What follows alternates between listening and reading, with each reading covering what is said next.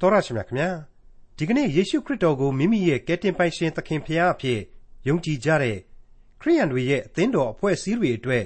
အထက်ထအခါခါမပြောနဲ့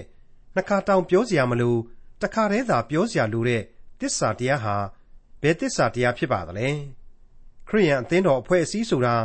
ဖန်ဆင်းရှင်ထာဝရဘုရား၌တည်ရှိရမယ်ကယ်တင်ရှင်ယေရှုခရစ်တော်ဘုရား၌တည်ရှိရမယ်ဆိုတာကတခါတည်းသာပြောစရာလိုတဲ့ တစ္ဆာတရားဖြစ်တဲ့အကြောင်းဒီကနေ့သင်သိရသောတမန်ကျမ်းအစီအစဉ်မှာခရိယန်တမန်ကျမ်းရဲ့ဓမ္မသစ်ကျမ်းပိုင်းတွေကတက်တာလုံးနေဩဝါဒစာပထမဆုံးအခန်းကြီး1အခန်းငယ်1ကနေအခန်းငယ်4အထိကို လေ့လာမှာဖြစ်ပါတယ်။အကြောင်းအမျိုးမျိုးကြောင့်ခရိယန်တယောက်တော့ဖြစ်လာပါရဲ့။ဒါပေမဲ့ခရိယန်ဖြစ်လာပြီဆိုရင်စစ်မှန်တဲ့ခရိယန်တယောက်ဖြစ်လာဖို့လိုအပ်တဲ့အရာတွေကိုတွေ့ရမှာဖြစ်တဲ့တက်တာလုံးနေဩဝါဒစာပထမဆုံးအခန်းကြီး1 အခန်းငယ်1ကနေအခန်းငယ်၄အထိကိုဒေါက်တာထွန်းမြတ်အေးကအခုလိုလေ့လာသုံးသပ်ရှင်းလင်းတင်ပြထားပါတယ်မိတ်ဆွေတော်တတ်ရှင်အပေါင်းတို့ဝိညာဉ်အသက်တာမျောလင့်ရာဆိုတဲ့ခေါင်းစဉ်ကိုပြီးရင်ဒီကနေ့သက်သာလောနိဩဝါဒစာပထမစာဆောင်အခန်းကြီး1ကိုကျွန်တော်စတင်လေ့လာကြည့်ကြပါစို့ဝိညာဉ်အသက်တာမျောလင့်ရာကိုဖြစ်စေသောအခန်းကြီး1ကိုတော့တမန်တော်ကြီးဟာ သက်သာလောနိအသင်းတော်နဲ့တကွဒီကနေ့ကျွန်တော်တို့ကပါအခုလိုစတင်မိတ်ဆက်ပေးလိုက်ပါတယ်သက်သာလောနိဩဝါဒစာပထမစာဆောင်အခန်းကြီး1အငယ်1ပေါလုသိလွာနုတိမောသေတို့သည်ခမည်းတော်ဖျားနှင့်သခင်ယေရှုခရစ်၌တည်ရှိသောသက်သာလောနိမြို့သားအသင်းတော်ကိုကြားလိုက်ပါ၏သခင်ယေရှုခရစ်နှင့်ငါတို့အဖကြီးဟုသောဖျားသခင်အထံတော်ကကျေးဇူးတော်နှင့်ညီသက်ခြင်းသည်သင်တို့၌ရှိပါစေသော အခြားအခြားသောဩဝါဒစာကြီးတွေလိုပဲနှုတ်ခွန်းဆက်ခြင်းဟာသိပ်ပြီးတော့မကွာခြားလှဘူးလို့ထင်ရပါတယ်ဒါပေမဲ့ကွာဟခြားနားချက်ကလေးမရှိဘူးလားဆိုရင်တော့စိတ်စိတ်ကြည့်ရင်မသိမသာကလေးရှိနေပါလေအဲ့ဒီရှိနေတဲ့ခြားနားချက်ဟာလေအလေးအနက်ပြုရလောက်အောင်အရေးကြီးတယ်လို့ကျွန်တော်ခံယူပါတယ်ပေါလုသိလွာနုတိမောသေတဲ့သိလွာနုဆိုတာဟာသိလပဲဖြစ်ပါလေအထူးစဉ်းစားရန်အချက်ကတော့အဲ့ဒီအချိန်ကာလမှာသိလနဲ့တိမောသေတို့ဟာ လူသစ်အမှုတော်ဆောင်ကလေးတွေသာဖြစ်ပြီးတော့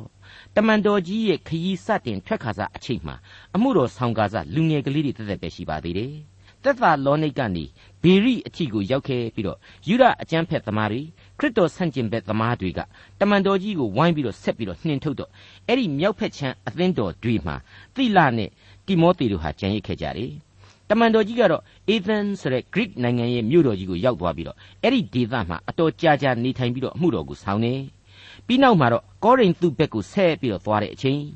အခုသိလွာနုသို့မဟုတ်သိလာနဲ့တိမောသေတို့ဟာသူတို့ရဲ့ဆရာကြီးရှင်ပေါလုစီကိုအမိလိုက်လာခဲ့ခြင်းပဲဖြစ်ပါတယ်အဲ့ဒီလိုသိလာနဲ့တိမောသေတို့ဟာအမိလိုက်လာပြီးတော့သက်သာလောနိဘက်ကသတင်းတွေကိုဖောက်တယ်ချလိုက်မယ် အဲ့ဒီခါမှာသူတို့ထံမှတဆင့်သိရတဲ့သက်သာလောနိကသတင်းပလင်းတွေပေါ်မှာအခြေခံပြီးတော့ဒီပထမဦးဆုံးသောဩဝါဒစာကြီးကိုရေးသားလိုက်ခြင်းပဲဖြစ်ပါတယ်အဲ့ဒီလိုပထမဦးဆုံးသောဩဝါဒစာအဖြစ်နဲ့ဒီသက်တာလောနိဩဝါဒစာကိုရေးတဲ့အချိန်မှာဒီလူငယ်တွေဟာသူနဲ့စိတ်သဘောထားတစ်ထပ်တည်းတူညီခြင်းဆိုတာကိုသူဟာသိသာအောင်ဖော်ပြပေးလိုက်တယ်လို့ကျွန်တော်ဆိုချင်ပါတယ်ဟုတ်ပါတယ်သီလနဲ့တိမောသေဆိုတာဟာတက်လူကလေးတွေလို့တော့ပြောလို့ရတယ်ဒါပေမဲ့ တမန်တော်ကြီးအဆင့်အတန်းကိုတော့မမိနိုင်သေးဘူးသူတို့ဟာအထောက်ကူပြုနိုင်တဲ့အဆင့်အထောက်အကူပေးနိုင်တဲ့အဆင့်ကလေးတွေမှာပဲရှိသေးတယ်ဆိုတဲ့အချက်တွေးကိုတမန်တော်ဝတ္ထုရဲ့အခန်းကြီး15ရဲ့အဆုံးနဲ့16ရဲ့အစတွေဟာအခုလိုဖော်ပြထားပါတယ်။အင်တန်ကာလကြာသောအခါ ပေါလုကငါတို့သည်သခင်ဖျား၏နှုတ်ကပတ်တရားကိုဟောပြောဘူးသောမြို့များ၌ရှိသောညီအကိုတို့သည်အဘယ်သို့ရှိနေသည်ကိုကြည့်ရှု၍ပြန်သွားကြကုန်အံ့ဟုဘာနဘအားဆို၏ဘာနဘသည်မာကုအမည်ရှိသောယောဟန်ကိုခေါ်မည်ဟုကြံရှိ၏ပေါလုကပန်ဖုလိပြည်၌သူတို့နှင့်ခွာ၍အမှုထမ်းရသို့မလိုက်မသွားသောထိုသူကိုမခေါ်သင်ဟုသဘောရှိ၏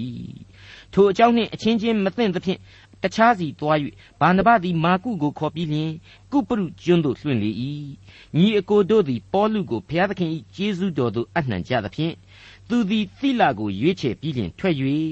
အသင်းတော်များကိုမြဲမြံခိုင်ခံ့စေလျက်ရှုရီပြည်ကိလိကိပြည်တို့ကိုရှောက်သွားလေ၏ထိုနောက်မှပေါလုသည်ဒေရဘေမြို့နှင့်လုတ္တရမြို့သို့ရောက်လေ၏လုတ္တရမြို့၌ တိမောသေအမည်ရှိသောတပည့်တော်တယောက်ရှိ၏သူ၏အမိကယုံကြည်သောယုဒမိမဖြစ်၏အဖကဟေလသလူဖြစ်၏ထိုသူသည်လုတ္တရာမြို့ဤကောနီမြို့၌ရှိသောညီအကိုတို့တွင်အသရေရှိသောသူဖြစ်၏အဲ့ဒီလိုတွေ့ရခြင်းဖြစ်ပါလေတနည်းအားဖြင့်တော့လူငယ်ခြေတက်ကလေးတွေပေါ့အဲ့ဒီလူငယ်ခြေတက်ကလေးတွေနဲ့တတွဲတဲ့သူ့အမိကိုဖော်ပြခြင်းဟာ တမန်တော်ကြီးရဲ့စိတ်နှိမ်ချခြင်းကိုသိသာစေသလိုဒီလူငယ်ကလေးတွေကိုလေသူဟာနာမည်ကောင်းရအောင်သိတိတင်ပေးလိုက်ခြင်းဖြစ်တယ်ဆိုတာတွေကိုကျွန်တော်တို့အကဲဖြတ်နိုင်လောက်ပါတယ်မိတ်ဆွေအပေါင်းတို့ကျွန်တော်တို့အလေးနဲ့နဲ့နဲ့ရှိုင်းရှိုင်းဆင်ခြင်စဉ်းစားစရာတွေဟာအများကြီးရှိနေပါတယ်တမန်တော်ကြီးရှင်ပေါလုဆိုတဲ့ပုဂ္ဂိုလ်ကြီးဟာသူ့အချိန်ကာလအတော်အတွင်းမှာထိတ်တန့်အမှုတော်ဆောင်ကြီးဖြစ်ခဲ့တယ် အသင်းတော်တို့ရဲ့ခေါင်းဆောင်ကြီးဖြစ်ခဲ့တယ်လောကဆိုင်ရာဖခင်ကြီးအဆင့်မှာရှိခဲ့တယ်ဒါပေမဲ့သူဟာသူ့မာနနဲ့သူဘယ်တော့မှဟန်တလုံးပန်တလုံးမနေတတ်ဘူးအောက်ခြေသိမ်းကြုံယုံပြီးတော့အမှုတော်ကိုဆောင်ခြင်းဖြစ်တယ်နှိမ့်ချခြင်းအလွန်ရှိတယ်အဆောင်အယောင်အခမ်းအနားတွေကိုမမက်မောခဲ့ဘူးပါအရိုက်ခံရဘူးသူခဲပေါက်ခံရဘူးသူလောကအလုတ်ကိုလုတ်ကန်ရင်းနဲ့ဘဝဝင်းကြီးခါရီးကိုတင့်တယ်လို့ယုံကံရဘူးသူ ချမ်းသာတဲ့အသင်းတော်တွေစီကနေပြီးတော့ဆင်းရဲသောတပည့်တော်များအတွက်အဝေးရောက်အလှငွေများကိုအဝေးမှပေးပို့သောလက်ဆောင်ပစ္စည်းများကိုကိုယ်တိုင်ကိုကြသေးပြီးတော့ကိုယ်တိုင်ကိုကြအနှံပေးသူဒုက္ခရောက်နိုင်တယ်ဆိုတာကိုသိရနဲ့ဒုက္ခတောကိုတိုးဝင်ဝွန့်ခဲ့သူဆိုတာတွေ့ကိုကျွန်တော်တို့သိထားကြဖို့လိုပါတယ်အခုသက်သာလောနိဏိဒန်းအရာတွေ့ရတာကတော့ချီးမြှောက်ခံတိုက်သူများကိုချီးမြှောက်ခြင်းလူဒန်းစားမခွဲခြားခြင်းလူသားဆန်ဆန်ရှင်သန်ခြင်းဆိုတဲ့ နောက်ထပ်သူ့ရဲ့ကောင်းတဲ့ဂုဏ်ပုဒ်တွေပါပဲဟုတ်ပါတယ်အာနနီဆိုတဲ့ရှုရိပြည်ဓမ္မသက်မြို့ကယုံကြည်သူတယောက်စီမှာဘုရားသခင်ဟာရှင်ပေါလုဖြစ်လာမဲ့မြက်ကန်းကြီးရှောလူနဲ့ပတ်သက်ပြီးတော့အခုလိုဗျာဒိတ်တော်ပြုခဲ့ပါတယ်တမန်တော်ဝတ္ထုအခန်းကြီး9အငယ်15မှ16ကိုပြန်ပြီးတော့ကြည်ကြပါသခင်ဖျားကလည်း ထိုသူကတပါးအမျိုးသားတို့နှင့်ရှင်ဘရင်တို့ထံသို့၎င်းဣသရေလအမျိုးသားတို့ရှိရာသို့၎င်းငါဤနာမကိုပို့ဆောင်စေခြင်းဟာငါရွေးကောက်သောတစားဖြစ်၏အကြောင်းမူကားထိုသူသည်ငါ၏နာမကြောင့်အဘယ်မျှလောက်ပင်ဆင်းရဲခံရမည်ကိုငါသည်သူ့အားပြမည်ထို့ကြောင့်သင်သွားလောဟုအာနနိအားမိန့်တော်မူ၏မိတ်ဆွေအပေါင်းတို့ခမညာဘုရားသခင်ဗျာဒိတ်တော်အတိုင်းပဲတမန်တော်ကြီးဟာလောကရန်ဒုက္ခဆင်းရဲခြင်းအမျိုးမျိုးကို ပြင်းပြင်းထန်ထန်ခံစားပြီးတော့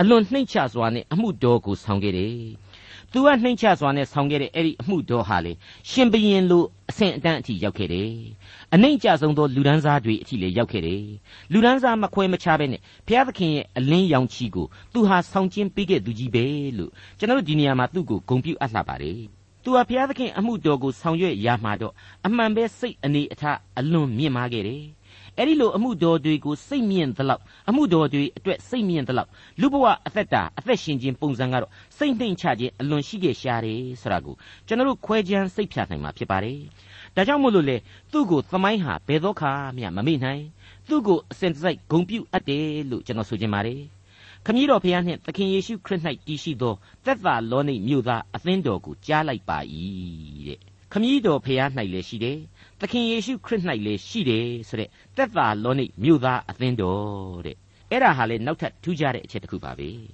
ကောလောသဲဖိလိပ္ပိအေဖက်ဂလာတိကောရိန္သုယောမဆိုတဲ့ဩဝါဒစာတွေတဲ့အရင်ကြတဲ့ဒီဩဝါဒစာအပေါင်းတို့ရဲ့အဦးအစပထမဩဝါဒမှုလို့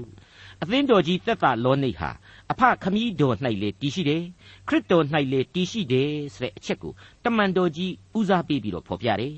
နောက်အသင်းတော်တွေအတွက်နောက်ဩဝါဒစာတွေမှာဒါကိုထပ်မရေးတော့ဘူးဘာဖြစ်လို့မရေးသလဲဆိုတော့မလိုတော့လို့မရေးတော့တာပဲ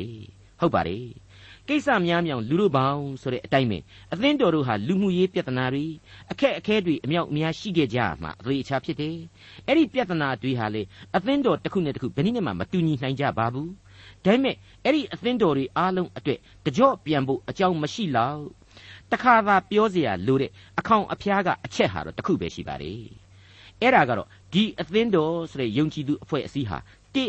ဘုရားသခင်၌တည်ရှိရမယ်နှစ်သခင်ခရစ်တော်၌တည်ရှိရလိမ့်မယ်ဆိုတဲ့သစ္စာတရားပဲဖြစ်ပါတယ်သခင်ယေရှုနှင့်ငါတို့အဖတည်းဟူသောဘုရားသခင်အထံတော်ကကျေးဇူးတော်နှင့်ညီသက်ခြင်းသည်သင်တို့၌ရှိပါစေသောတဲ့မိတ်ဆွေဒီအပိုက်ကတော့တမန်တော်ကြီးအစဉ်တစိုက်အလွတ်ဆိုလေးရှိတဲ့အချက်ပဲဖြစ်ပါတယ်ဟုတ်ပါတယ်တ မန်တော်ကြီးရဲ့ဩဝါဒစာအတိုင်းအမြဲကြားရသောပနာမဆုတောင်းဖြစ်ပါတယ်ကျေးဇူးတော်နဲ့ညီသက်ခြင်းဆိုတာဟာခရစ်တော်အားဖြင့်သာရယူနိုင်တယ်ခရစ်တော်အားဖြင့်သာလျှင်ခံစားရဆုကျေးဇူးမင်္ဂလာတော်ဖြစ်တယ်ဆိုတာကိုကျွန်တော်အောက်မေ့တရိယာကြပါစို့သက်သာလောနိဩဝါဒစာပထမစာဆောင်အခန်းကြီး1အငယ်1မှ4 ငါတို့အဖဒီဟုသောဘုရားသခင်ရှိတော်၌သင်တို့သည်ယုံကြည်သောစိတ်နှင့်အကျင့်ကိုကျင့်ခြင်းချစ်သောစိတ်နှင့်ကြိုးစားအားထုတ်ခြင်းငါတို့သခင်ယေရှုခရစ်ကိုမျှော်လင့်သောစိတ်နှင့်တည်ကြည်ခြင်းတို့ကိုငါတို့သည်အစင်မပြတ်အောက်မေ့လျက်ဘုရားသခင်ချစ်တော်မူသောညီအကိုတို့သင်တို့ခံရသောရွေးကောက်တော်မူခြင်းကိုသိလျက်သင်တို့အပေါင်းကိုအကြောင်းပြုသဖြင့်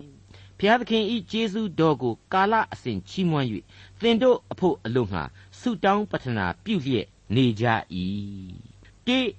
ယုံကြည်သောစိတ်နှင့်အကျင့်ကျင့်ခြင်းနှစ်ချစ်သောစိတ်နှင့်ကြိုးစားအားထုတ်ခြင်း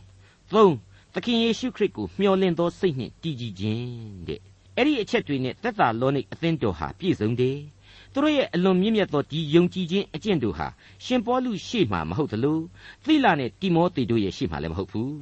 ရှင်းရှင်းပြောရရင်တော့ဘယ်လူသားတဦးတယောက်ရဲ့ရှေ့မှောက်မှာမှမဟုတ်ဖျားသခင်ရဲ့ရှေ့တော်မှောက်မှာဖြစ်ပါတယ်တဲ့ အဲ့ဒီအချက်ဟာအစာပလာတွေအကုန်လုံးကိုဖြုတ်လိုက်မယ်ဆိုရင်ယုံကြည်ခြင်းချစ်ခြင်းမျှော်လင့်ခြင်းဆိုတဲ့ကျွန်တော်အမြဲကြားရနေကြအချက်သုံးခုပေါင်းစုပေါ်ထွက်လာစေပါတယ်အဲ့ဒါကိုပဲကောရိန္သုဩဝါဒစာပထမစာဆောင်အခန်းကြီး73အငယ်73မှာလေရှင်းလင်းပြသစွာတွေ့ကြရပြီးပါပြီယခုတွင်ယုံကြည်ခြင်းမျှော်လင့်ခြင်းချစ်ခြင်းဤသုံးပါးတည်လျက်ရှိ၏ဤသုံးပါးတို့တွင်ချစ်ခြင်းမေတ္တာသည်အမျက်ဆုံးဖြစ်သည်တဲ့မိတ်ဆွေ ဒီနေရာမှာအထူးသတိထားရမှာကတော့အခုလိုချစ်ချင်းမေတ္တာသည်အမျက်ဆုံးဆိုပြီးဖော်ပြထားတာဟာကောရိန္သုဩဝါဒစာပထမဆောင်ရဲ့ဖော်ပြချက်ကိုဆန်းစစ်ကြည့်လိုက်မယ်ဆိုရင်ကျွန်တော်လူသားကချစ်တဲ့မေတ္တာကိုပြောတာမဟုတ်ပါဘူးနော်ခရစ်တော်ရဲ့တက်ဆွန့်မေတ္တာတော်နဲ့ကယ်တင်ခြင်းစုကျေးဇူးကိုသာရည်ညွှန်းခြင်းဖြစ်တယ်ဆိုတဲ့အချက်ဖြစ်ပါလေအခုသက်တာလောနိဩဝါဒစာမှာကျတော့အဲ့ဒီလိုချစ်ချင်းမေတ္တာသည်အမျက်ဆုံးဖြစ်သည်ဆိုပြီးတော့ပြောမထားတော့ဘူးခ ရစ်တော်ကိုလူသားတို့ကချစ်ချင်းကိုသာဆိုလိုတယ်အဲ့ဒီချစ်ချင်းဟာခရစ်တော်ရဲ့ချစ်ချင်းလောက်ဘယ်နည်းနဲ့မှအဆင့်မမြင့်နိုင်ပါဘူးအသက်ကိုပေးနိုင်လောက်တဲ့မေတ္တာမဟုတ်နိုင်ပါဘူးကယ်တင်ခြင်းကိုလည်းမပြုနိုင်ပါဘူးဒါပေမဲ့ချစ်သောစိတ်နှင့်ကြိုးစားအားထုတ်ခြင်းဆိုတာပါဝင်လာပါတယ်အင်္ဂလိပ်ကတော့ labor of love တဲ့ကဲလူသားတို့ရဲ့ဖျားသခင်အပေါ်မှာချစ်တဲ့စိတ်ဆိုတာကရောသိမ့်သိမ့်နုနုဖြစ်နိုင်ပါမလားသေးသေးကွေကွေကိုဖြစ်နိုင်ပါမလားဆိုတာဒီနေရာမှာစဉ်းစားဖို့လိုလာပြီ တမန်တော်ကြီးကဒီနေရာမှာအမျက်ဆုံးလို့ပြောထားထားမထားထားအမျက်ဆုံးမဟုတ်ရင်တောင်းမှအရေးအကြီးဆုံးဆိုတဲ့လိုအပ်ချက်တစ်ခုလို့တော့အမှန်ပဲပြောနိုင်လိမ့်မယ်အဲ့ဒီလိုကျွန်တော်တို့စဉ်းစားရလိမ့်မယ်ဟုတ်ပါတယ်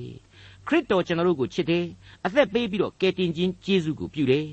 သမိုင်းတစ်ခုလုံးကိုပြောင်းပြန်လှန်ပြီးတော့ကယ်တင်ခြင်းတရားအလင်းရောင်ကိုပေးတယ်ဖြောင့်မတ်ခြင်းအခွင့်ဆိုတဲ့မဟာကျေးဇူးတော်ကိုပြုတယ်အပြစ်တရားမှငြိမ်းချမ်းခြင်းကိုလည်းပေးတယ် ဒါကြောင့်ဒီကျေးဇူးတရားကိုနားလေစွာနဲ့သူ့ကိုအမှန်တကယ်ချစ်တယ်ဆိုရင်တစ်အချက်ဖြစ်တဲ့ယုံကြည်ခြင်းနဲ့မျှော်လင့်ခြင်းမရှိလာနိုင်ဘူးလား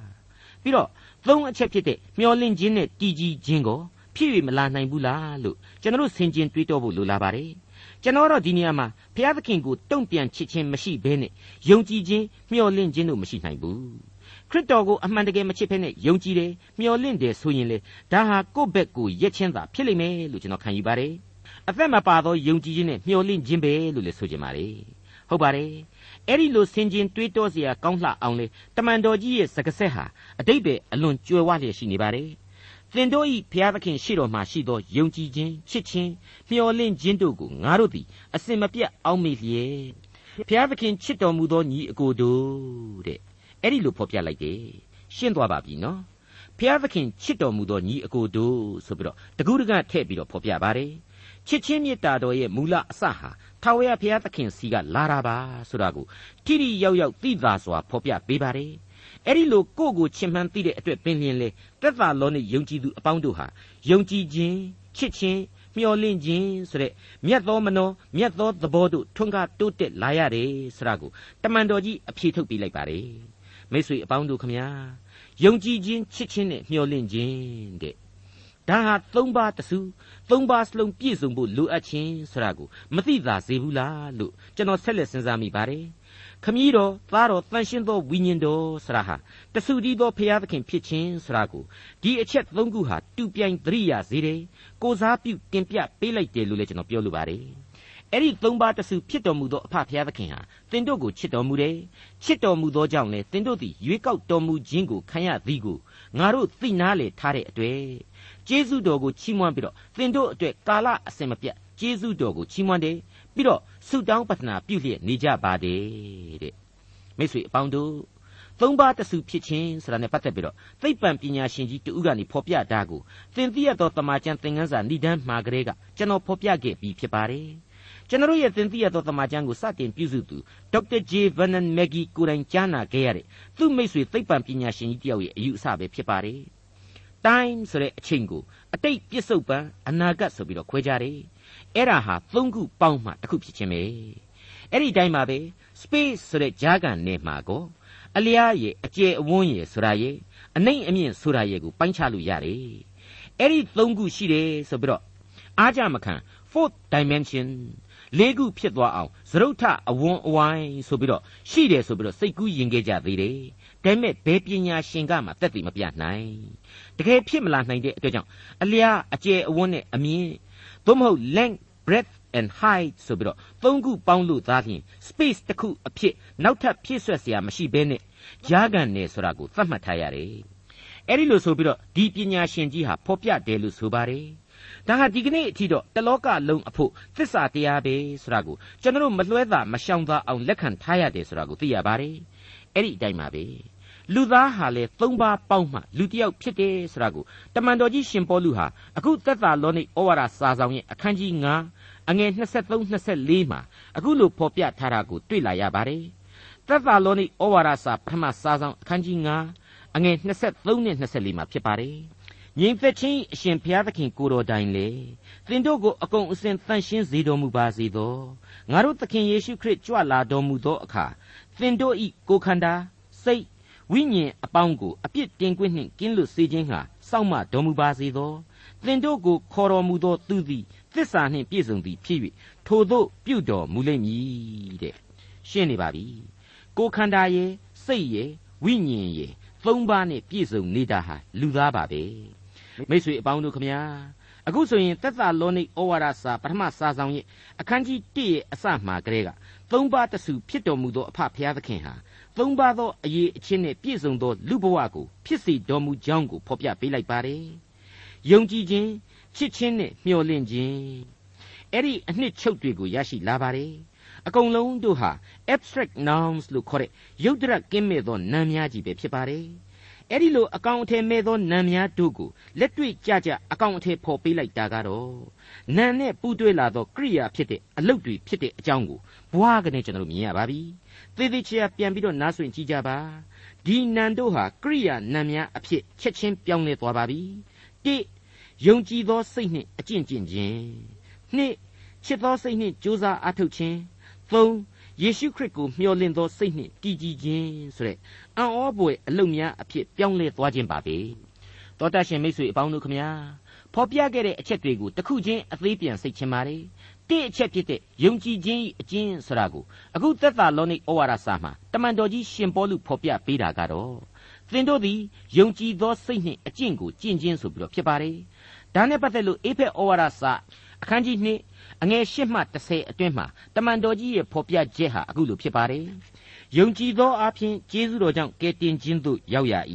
။ကိုအလိုလျောက်ရောက်သည်မဟုတ်ဖျားသခင်သနာတော်မူရာဖြစ်သည်။ ကိုကုသိုလ်ကြောင့်ကယ်တင်တော်မူခြင်းသို့ရောက်သည်မဟုတ်တို့ဖြစ်၍အဘယ်သူမျှဝါကြွားเสียအခွင့်မရှိ။အဘယ်ကြောင့်နည်းဟုမူကားငါတို့သည်ကောင်းသောအကျင့်တို့ကိုကျင့်ရမည်အကြောင်းယေရှုခရစ်၌ပြုပြင်၍ဖန်ဆင်းတော်မူရာဖြစ်ကြ၏ထိုကောင်းသောအကျင့်တို့၌ငါတို့သည်ကျင့်လေရမည်အကြောင်းဘုရားသခင်သည်ငါတို့ကိုပြင်ဆင်တော်မူနှင့်ပြီဒီလိုပါပဲ ရှင်ယာကုပ်ဖော်ပြတဲ့ယုံကြည်ခြင်းရဲ့သဘောတရားဟာလည်းပြသရှင်းလင်းနေပါတယ်ရှင်ယာကုပ်ဩဝါဒစာအခန်းကြီး2အငယ်16ကနေ20အတွင်းမှာအခုလိုဆိုထားပါတယ်ထိုနည်းတူ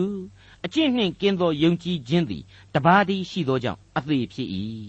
တနည်းကသင်သည်ယုံကြည်ခြင်းရှိ၏ငါသည်အကျင့်ရှိ၏တို့ဖြစ်၍သင်သည်အကျင့်မရှိဘဲသင်၏ယုံကြည်ခြင်းကိုပြလော့ငါမူကားအကျင့်အပြင်ငါ၏ယုံကြည်ခြင်းကိုပြမည်ဟုပြောเสียရှိ၏ဖျားသခင်တဆူသည်ရှိသည်ဟုသင်သည်ယုံ၏ ကောင်းပေ၏နတ်ဆိုးတို့သည်ယုံ၍ကြောက်ရွံ့တုန်လှုပ်ကြ၏လျှက်ပေါ်သောလူအကျင့်နှင့်ကင်းသောယုံကြည်ခြင်းသည်အသေးဖြစ်သည်ကိုသိကျင်သလောတဲ့မိတ်ဆွေအပေါင်းတို့ခမညာ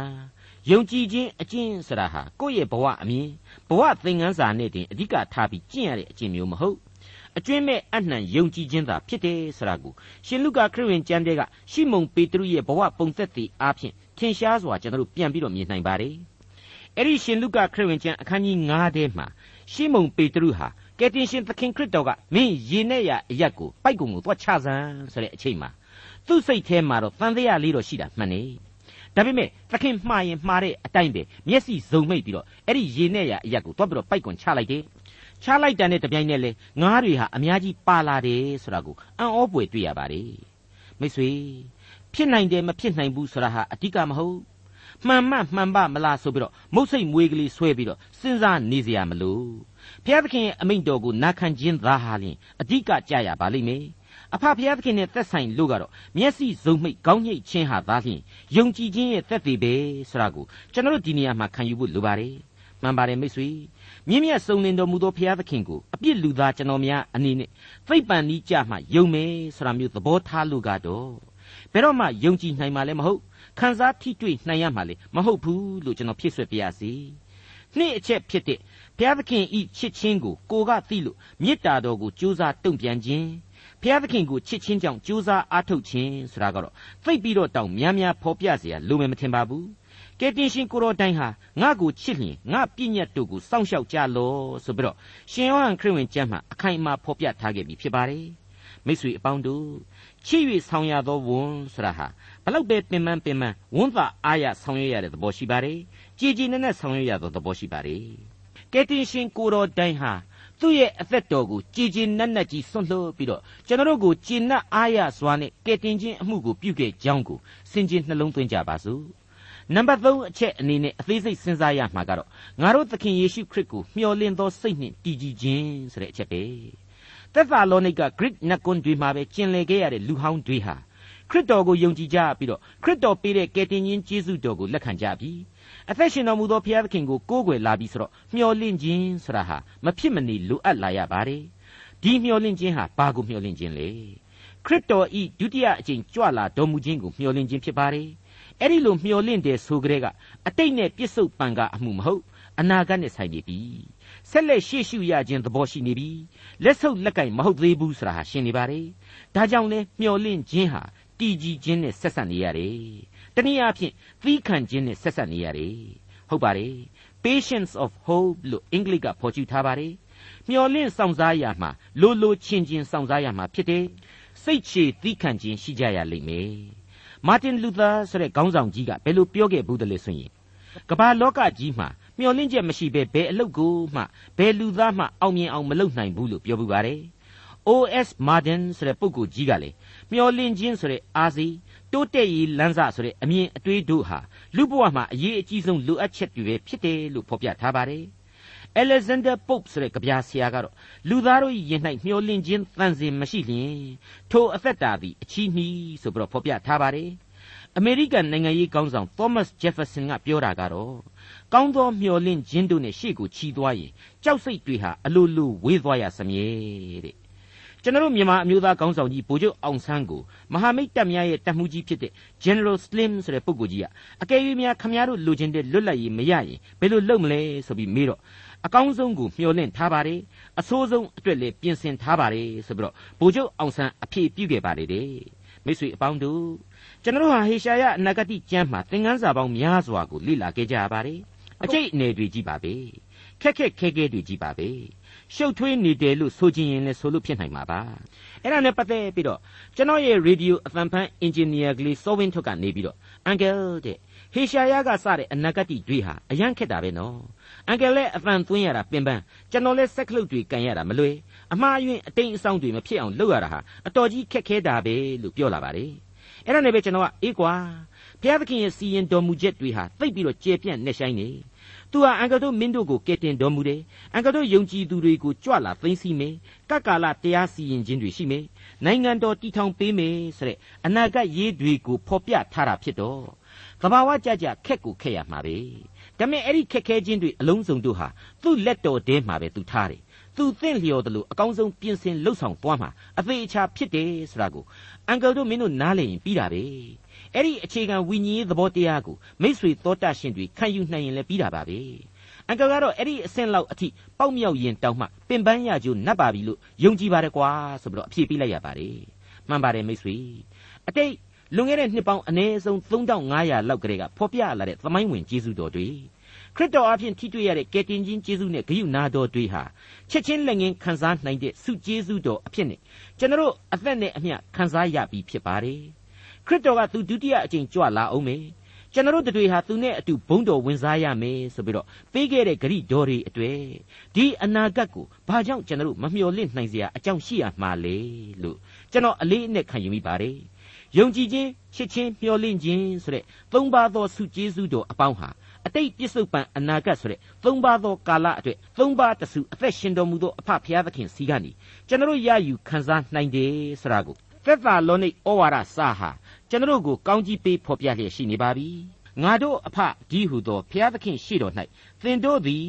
ယုံကြည်သောစိတ်နှင့်အကျင့်ကိုကျင့်ခြင်းချစ်သောစိတ်နှင့်ကြိုးစားအားထုတ်ခြင်းငါတို့သခင်ယေရှုခရစ်ကိုမျှော်လင့်သောစိတ်နှင့်တည်ကြည်ခြင်းတို့ကိုငါတို့သည်အစင်မပြတ်အောက်မေ့လျက်ဘုရားသခင်ချစ်တော်မူသောညီအကိုတို့သင်တို့ခံရသောရွေးကောက်တော်မူခြင်းကိုသိလျက်သင်တို့အပေါင်းကိုအကြောင်းပြုသဖြင့်ဘုရားသခင်၏ကျေးဇူးတော်ကိုကာလအစဉ်ချီးမွမ်း၍သင်တို့အဖို့အလို့ငှာ ဆုတောင်းပတနာပြုလျက်နေကြ၏တမန်တော်ကြီးရှင်ပေါလုနဲ့အတူကျေးဇူးတော်ကိုချီးမွမ်းကြစို့ဆုတောင်းကြပါစို့ဒေါက်တာထွန်းမြတ်၏စီစဉ်တင်ဆက်တဲ့တင်ပြရတော်တမချန်းအစီအစဉ်ဖြစ်ပါတယ်နောက်တစ်ချိန်အစီအစဉ်မှာခရိယန်တမချန်းရဲ့ဓမ္မသစ်ကျမ်းပိုင်းတွေကတက်တာလုံးနေဩဝါဒစာပထမဆုံးအခန်းကြီး1အခန်းငယ်9ကနေအခန်းငယ်10အထိကိုလေ့လာမှာဖြစ်တဲ့အတွက်စောင့်မျှော်နားဆင်နိုင်ပါတယ်။